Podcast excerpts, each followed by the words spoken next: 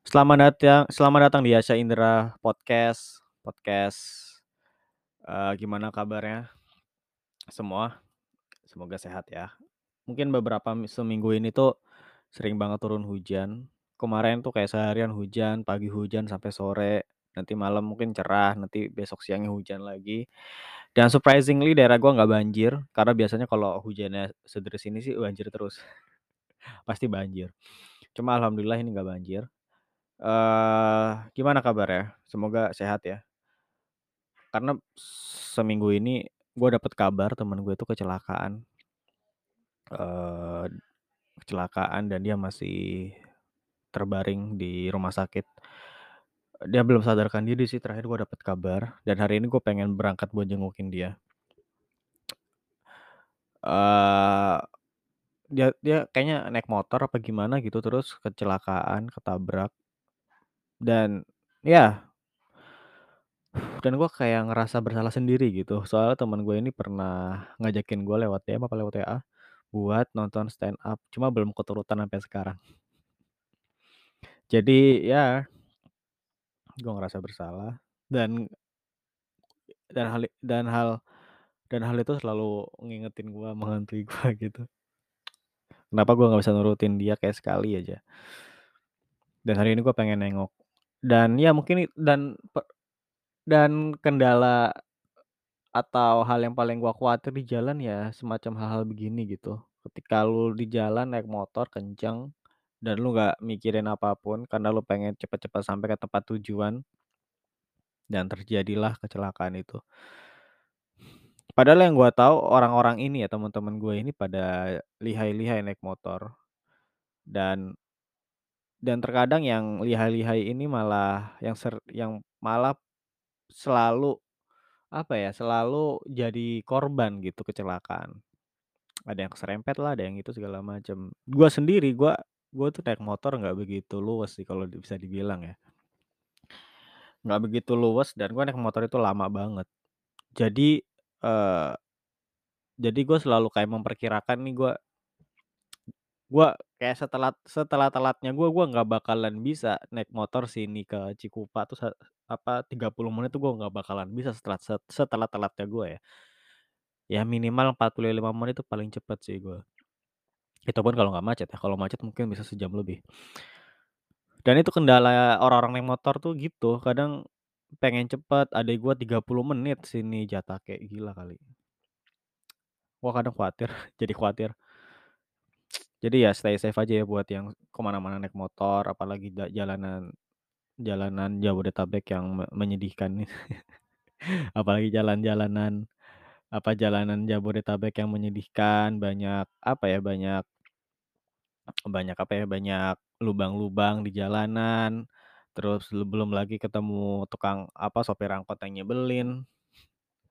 Eee, motor juga sama motor-motor lain yang nyebelin. Jadi stay safe, mending pelan-pelan aja naik motor, nggak usah kenceng-kenceng. Ya itulah, mungkin itulah kenapa slogan, "Hati-hati di jalan, keluarga Anda menunggu di rumah," mungkin itu mungkin ya, apa namanya, muncul ada slogan seperti itu. Eee, itu sih. Tapi gimana nih, eee, kabarnya mungkin? Gua rasa semua sehat, terus, eee eee, beberapa keributan di TL, Twitter. Ada yang menarik, ada yang itu-itu lagi gitu. Cuma yang paling menarik sih kemarin ada seorang ini, seorang, apa namanya entah product engineer, software engineer, apa product manager gitu, dia tuh nge-tweet bahwa dia nge-tweet sebuah macam inovasi atau apa gitu, eee, bahwa kayaknya nih, ini bagus nih, apa kayaknya seru nih atau bagus nih, kok seru sih, kayaknya ba lebih bagus nih kalau misalkan di driver Gojek itu dikasih kamera supaya kita bisa memantau sudah sampai mana nih driver kita gitu. Terus akhirnya dihujat dong, kayak, "Aduh jangan kayak gitu dong, itu kan sam apa, ngabis-ngabisin data driver Gojeknya," gitu. Atau terus weh, terus ada juga yang nge-tweet gini, cuma dia nge-tweet pakai bahasa Inggris sih. Ada yang nge-retweet gini, kayak, "Bayangin lu kerja tapi masih di a masih dimata-matai," gitu. Iya kan maksud gua terus, eee kayak ya bener, itu mungkin bisa jadi hal-hal semacam itu sih. Apa ya, privacy ketika bekerja itu kayaknya orang-orang tuh tahu hanya ketika kita kerja di kantor gitu. Ketika kita kerja di kantor kan ada semacam kubikel-kubikel gitu ya. Kita bisa ngelihat itu sesuatu yang lumrah bahkan kadang didukung, di-support gitu. Bahkan ada juga yang kontra sama workspace yang terlalu terbuka kayak startup-startup zaman sekarang atau agensi-agensi zaman sekarang kan kayak workspace terbuka aja gitu, kayak meja aja gitu, terus kita bawa laptop taruh di situ, kita kerja gitu. Beberapa orang ada yang nggak nyaman hal-hal semacam itu. Dan dan ternyata kayak eee, masalah ini atau isu ini tuh ternyata tergeret ke pekerjaan yang lebih grounded, yang lebih membumi kayak driver driver driver Gojek, ya kan. Tapi kan ya kenapa dan da da dan gua pun agak julid atau nyebelin ya orang product engineer ini. Kayak kok lu sampai segitunya sih kayak lu lu se-trust issue itu, securiga itu sama driver driver Gojek, dia mau ke mana ke mana ke mana segala macam. Padahal kan, eee, Gojek kan sudah memberikan fitur, maksudnya Uber, Gojek, atau Grab ini kan udah memberikan fitur ada semacam, eee, Google Map yang lu bisa tahu nih, ini Gojek udah sampai mana lewat map kan. Masa itu belum cukup sih kayak lu masih curiga gitu ini bisa dimanipulasi segala macam.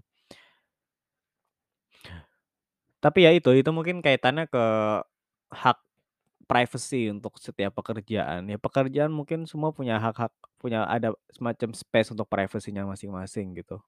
Kita kan nggak tahu ketika driver ini kerja dia ada punya masalah apa, mungkin dimarahin istrinya lah, mungkin harus nganter anaknya sekolah lah, mungkin segala macam. Tapi kan sebesar-besarnya masalah itu kan masih bisa ada komunikasi dong. Kayak gua gua kayaknya ya sama sekali gua kalau pesen makanan lewat GoFood atau Gojek itu nggak pernah apa ya, nggak pernah nggak pernah sama sekali ngeluh kalau orang itu datangnya lama-lama gitu, gua kayaknya nggak pernah ngeluh. Yang ada adalah Gojek yang ngeluh kalau gua nggak ada di rumah, atau orang yang gua kirimin makanan lewat Gojek itu nggak ada di rumah, itu baru biasanya yang sering sih Gojek yang yang marah-marah gitu. Sampai gua minta maaf sendiri. Cuma ya itulah, itu kan hak privacy setiap pekerjaan punya space untuk hal itu. Kita nggak tahu masalah or orang ini apa di rumah, kita nggak tahu dia mungkin eee, ada kendala apa, ada masalah apa, kita nggak tahu kan. Jadi masa iya kita masa iya lu sampai segitunya sih gitu. Eee, mungkin mungkin product engineer product engineer i product engineer ini tuh tipe-tipe bos yang apa ya, tipe-tipe bos yang suka apa ya, ngeliatin, "Eh, kamu kok nggak kerja, kamu bukain YouTube seharian," gitu.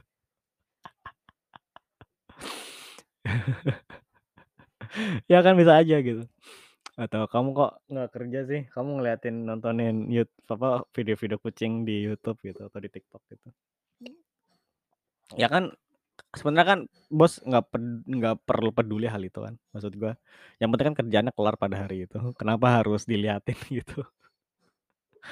Eee, terus oh ya ngomongin tentang Gojek dan GoFood kemarin juga ada yang bahas gini tentang tipping ya, tipping pada Gojek atau pada GoFood, apa, tipping kepada layanan kayak Go Gojek atau GoFood semacam itu.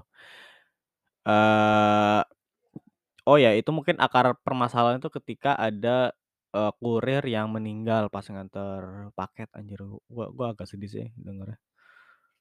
Jadi apalagi kan kemarin kan waktu apa, waktu ada promo 11.11 apa 1.1 gitu. Eee, itu kan ongkir kan pada gratis ongkir gratis, ada promo segala macam, sehingga mungkin numpuk tuh apa, antaran barang. Kurir-kurir pada kerepotan segala macam, sampai adalah satu kurir ini meninggal dunia. Terus akhirnya ada yang gini "Kalian nih harusnya ngasih tip atau ngasih apa gitu ke kurir-kurir ini ketika nganter barang-barang kalian," gitu. Terus akhirnya salah satu mutual gua ada yang jawab gini kayak "Alah tipping itu akal-akalan orang lip" apa bukan bukan, bukan itu dulu. Jadi dia nge-tweet-nya gini kayak eee Ah, bentar gue lupa gimana sih. Pokoknya ini gar oh dia dia tuh nyalahin promonya. Dia tuh nyalahin promonya ini gara-gara promo 1.1 nih.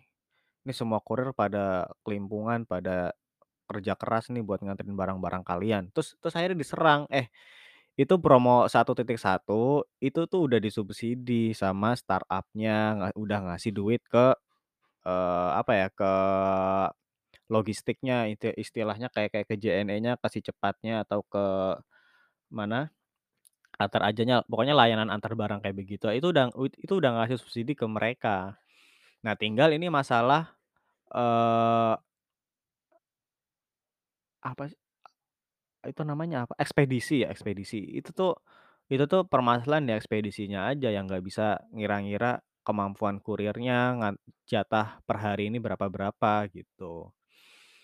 Itu tuh itu tuh masalah di ekspedisinya, bukan masalah di promonya gitu, bukan masalah di startup-nya yang bikin 1.1. Terus akhirnya diserang kan. Terus akhirnya ditambahin kayak, ya udah sih kalau emang nggak bisa ngegaji layak ya nggak usah nger apa, mempekerjakan orang, nggak usah mempekerjakan orang kalau nge ngegajinya nggak bisa layak gitu. Itu tipping itu, itu tuh akal-akalannya orang liberal aja gitu. Terus terus akhirnya dan iya dan dan gua setuju banget gitu. Kayak gini lu kan lu kan mem lu kan ketika beli produk ya, lu kan, sebagai konsumen ya, di mata konsumen kan lu ingin mencari barang yang semurah-murahnya tapi dengan kualitas yang sebaik-baiknya. Itu kan konsumen, itu kan otak konsu konsumen kan pasti, eee, memakai pola pikir itu ketika dia pengen beli barang gitu kan. Secara default ya. Gua nggak bilangin mungkin latar belakangnya orang kaya yang pengen beli barang yang premium, nggak gua nggak peduli harganya berapa, yang penting gua dapat harga yang paling premium, gua beli barang ini karena gua suka sama produknya, gua nggak peduli harganya berapa, asal gua dapet ini, oke gua gua beli. Pokoknya tuh ada sifat-sifat konsumen lah, beberapa sifat-sifat konsumen, itu kayaknya pernah dibahas sama Panji, apa aja gitu. Dan dan tapi kan orang-orang Indonesia ya secara keseluruhan itu kan mereka pengen beli barang, termasuk gua, beli barang yang semurah-murahnya tapi dengan kualitas yang sebaik-baiknya. Itu juga berlaku ketika lu nyari makanan di GoFood. Lu kan pengen nyari, apa ya, makanan yang setidaknya murah, terus ongkirnya juga nggak jadi masalah dan kalau bisa ya syukur-syukur ongkirnya gratis gitu kan. Nah akhirnya lu dapatlah makanan, eee, nasi goreng seharga, eee, 10.000 udah sekaligus ongkir segala macam. Terus nih, karena lu mungkin ngelihat driver-nya capek atau ngelihat driver-nya kehujanan, akhirnya ada semacam moral gitu, ada semacam apa ya, campur tangan moral, moralitas gitu di dalamnya, terus lu kayak "Ya udah nih, aku kasih 50.000 sek biar Bapak nggak kecapean." Itu kan, loh kok kok malah kayak begitu sih? Maksudnya lu kan dari awal kan lu kan pengen dapat harga semurah-murahnya, tapi kenapa pada ujungnya lu harus bayar lebih mahal lagi gitu, ya. Kalau ujung-ujungnya gua ngeluarin uang 60.000, gua mending naik motor sendiri buat beli makanan ini, nggak ngerepotin siapa-siapa gitu. Tapi kadang-kadang di Twitter ya, kadang mereka tuh kayak mempromosikan masalah tipping ini gitu, kayak ngasih tip lah ke driver ini karena dia udah capek gini-gini. Kayak gua nggak peduli gitu. Gua sebagai konsumen, gua pengen dapat servis yang paling baik dan paling murah, tapi kenapa gua harus nge-tip gitu. Maksud gua gua gua nggak paham sih, kenapa konsumen harus menjamin kesejahteraan para para driver ini gitu. Kenapa kenapa driver ini nggak jadi tanggung jawab Gojek atau nggak jadi tawap nggak jadi tanggung jawab Grab aja. Kenapa harus konsumen yang menjamin kesejahteraan ini? Ya itu, gua gua pengen sih nge-tweet gitu, tapi gua takut diserang, kayak takut kamu kamu nggak mempedulikan jerih payah para ini ini, para coba bayangkan kalau bapak kamu yang kerja seperti itu gitu. Kenapa sih? Ya gua nggak peduli lah. Kan kayak lu naik kereta kan lu pengen dapat harga yang paling murah, asal nyampe kan, iya kan, itu doang kan, lu nggak peduli, eee, masinisnya Berapa gaji masinisnya, anak-anaknya gimana, lu kan lu kan nggak pernah peduli dengan hal itu. Lu kan yang penting kan dapat dengan harga yang paling murah. Kenapa jadi masalah ada di konsumen?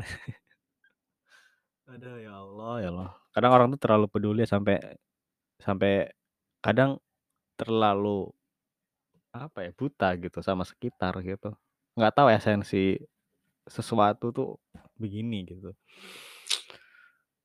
Anyway. Itulah ya produk engineer yang nyebelin itu ya. Produk engineer dan eee, kemarin gue pengen bahas apa lagi ya, lupa gue. Oh iya, jadi gue akhir-akhir ini tuh lagi nyoba ngulik TypeScript ya, karena menarik sih menurut gue kayak bayangin ada bahasa pemrograman tapi lu harus ngatur tipe datanya. Dan nanti dari bahasa pemrograman ini dia akan men-generate bahasa pemrograman yang lain yang jauh lebih bersih, yang jauh lebih strict, yang jauh lebih rapi. Menarik nggak sih? Ya itulah bahasa pemrograman yang disebut dengan TypeScript. Eee, asli gue sebenarnya pengen gitu belajar, apa ya, pengen mendalami TypeScript, pengen mendalami unit test, pengen mendalami Docker dan Git. Cuma kayak terlalu banyak banget ya. Gua gua pun akhirnya merubah, apa ya, paradigma belajar programming itu yang penting kayaknya bikin sesuatu, terus lu akhirnya mengkombinasikan, apa ya, teknologi yang udah ada gitu. Itu aja sih TypeScript. Eee, dan banyak eee, dan TypeScript ya mungkin banyak yang nggak paham kenapa sih kita belajar TypeScript. Eee, ketika lu belajar TypeScript, yang ada lu malah hanya akan memperbanyak error dalam coding-an lu. Eee, kayak kayak apa ya namanya, misalkan nih, kayaknya baik-baik aja gitu gua pakai JavaScript biasa, tapi ketika gua pindah ke TypeScript justru ma makin banyak error. Sedangkan tujuan TypeScript adalah meminimalisir error, tapi di sisi lain juga ketika gua menggunakannya banyak sekali error. Itu kan paradoks ya. Jadi gua menggunakan bahasa pemrograman untuk menghindari error dengan cara menjalankan banyak error. Iya sih. Karena error-error di TypeScript itu kayak semacam, eee, ini variabel ini belum didefinisikan tipe tipe datanya. Apa, ya begitulah. Tapi tapi TypeScript kayaknya menarik untuk didalami karena kayaknya sih mempercepat, apa ya, mempercepat eee, eksekusi kode dan lebih optimal gitu. Kalau lu pakai itu di framework front-end ya kayak Next.js kayaknya lebih lebih optimal gitu. Next.js, terus TypeScript, terus CSS-nya pakai Tailwind kayaknya lebih lebih mantep. Eee, dan dan sebenarnya gua udah mulai agak muak ya sama beberapa programmer yang suka jualan course gitu. Kayak tiap kali gua ngeliat programmer yang jualan course, gua selalu curiga, orang ini dapat duit itu karena dari ngajar program, apa karena dia bekerja sebagai programmer. Karena gua per gua gua nemu eee, 2 programmer yang satu jualan course, yang satu emang bener-bener kerja di bidang software engineer. Orang yang eee, tinggal lu mau milih yang mana nih. Lu pengen jadi software engineer, praktisi yang emang kerja-kerja emang bener-bener kerja di bidang software engineer, atau lu pengen jadi orang yang belajar programming hanya untuk memahami teori-teori programming. Tinggal lu pilih yang mana nih, ada 2 jalur nih. Justru tentu gua pengen banget jadi software engineer yang ada di bidang software engineer dan gua ada di industri itu gitu. Gua nggak mau stuck jadi pengajar-pengajar aja, tapi gua nggak pernah tahu real real problem, real real problem-nya kayak gimana. Justru gua gua nggak pernah gua nggak mau jadi kayak begitu.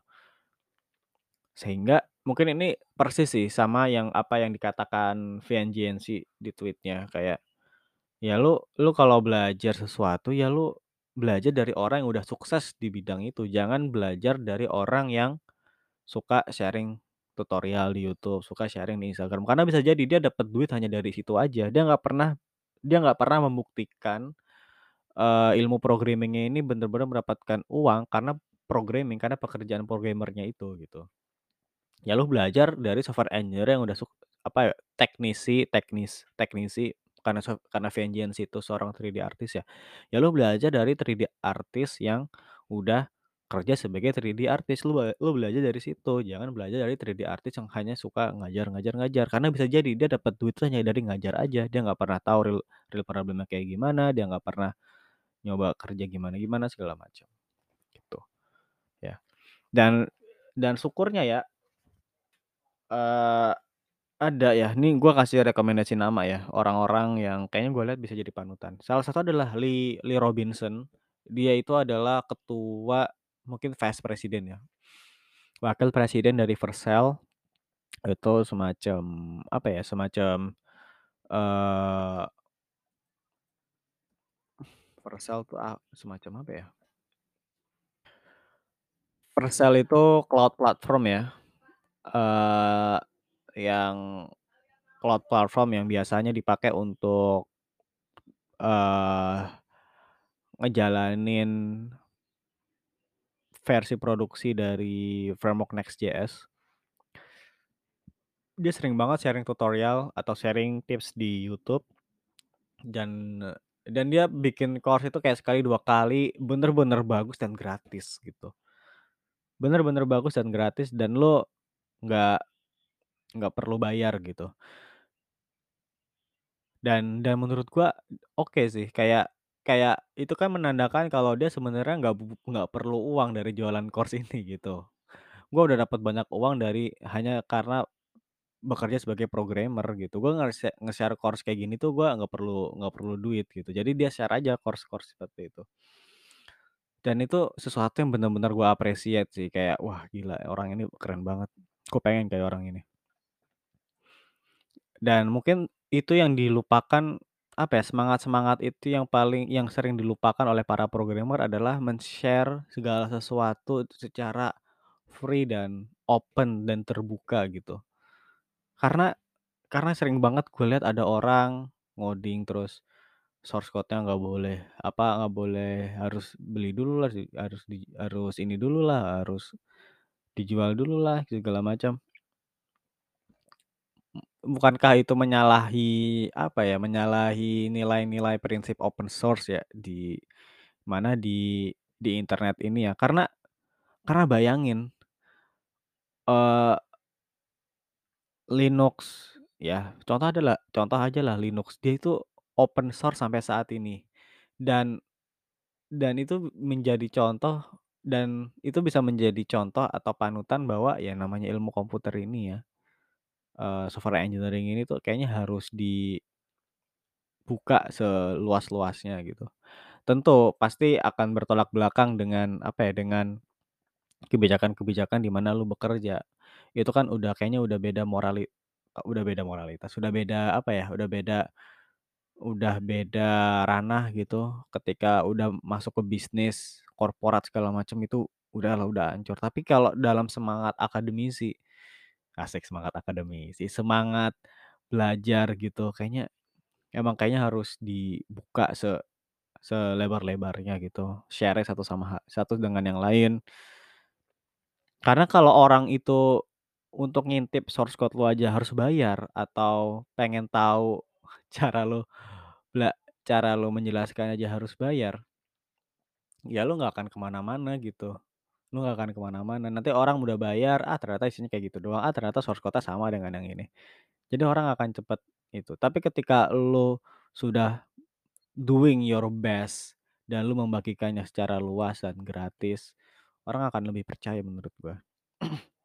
Bisa jadi ya, ini nggak tahu ya, gua nggak tahu. Cuma itu mungkin hal beberapa hal yang gua hal-hal yang gua yakini gitu.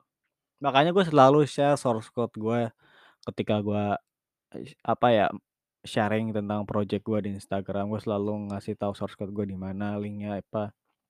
Biar orang bisa sama-sama belajar, biar orang sama-sama bisa diskusi caranya gimana dan segala macam. Gitu sih. Dan kalau lu membandingkan ini dengan mungkin Coca-Cola ya, yang katanya menyembunyikan resepnya sampai saat ini, meskipun banyak orang yang mencoba untuk meniru. Menurut gua, ya bisa aja begitu. Cuma itu, ya tadi Coca-Cola itu adalah lambang kapitalis. Apa, Coca-Cola itu kan Coca-Cola, McDonald, Starbucks itu kan, eee, apa ya, maskot kapitalisme abad ini kan. Jadi gua nggak bisa komentar banyak gitu, tapi kalau tentang ilmu komputer, software engineering segala macam, wah tentu kayaknya itu kan ilmu ya, ilmu dan ilmu yang harus dibagikan seluas mungkin supaya lebih maju lagi lebih maju lagi, peradaban internet ini lebih maju lagi lebih maju lagi gitu. Iya kan, lu coba lu bayangin kalau Linus Torvalds dulu nggak nge-share, apa ya, nggak menjadikan opret operating system-nya itu open source, gua yakin kayak gu gu gua yakin internet nggak akan semaju ini sih, maksud gua komputer nggak akan semaju ini, Android nggak akan ada, Windows nggak akan ada. Yah, mungkin itu sih. Jadi ya, jadi, eee, itu juga kesimpulan yang didapat, jadi kayak bisnis dan internet, apa, bisnis dan ilmu komputer ketika sudah bertabrakan, ya udah jadinya ya seperti yang kita lihat ini, kita harus subscribe tiap kita pengen pakai OS. Kita harus subscribe setiap kita pakai OS Windows, kita harus subscribe Office, ki kita harus subscribe Photoshop segala macam. Tadi ya karena apa ya, karena udah udah bertabrakan dengan sisi bisnis gitu. Mungkin lu kalau kerja di startup, lu nggak boleh nge-share source code lu dan segala sebagainya, itu kan ya dan itu mungkin sesuatu yang pengen dibongkar ya sama Aaron Swartz zaman dulu gitu. Gua nggak tahu sih. Cuma ya gitu. Eee, oke itu aja mungkin podcast untuk hari ini. Kalau lu suka ya share aja nggak papa, kalau lu udah denger sejauh ini, eee, kalau lu udah denger sejauh ini ya gua ucapkan terima kasih banyak dan ya bye-bye.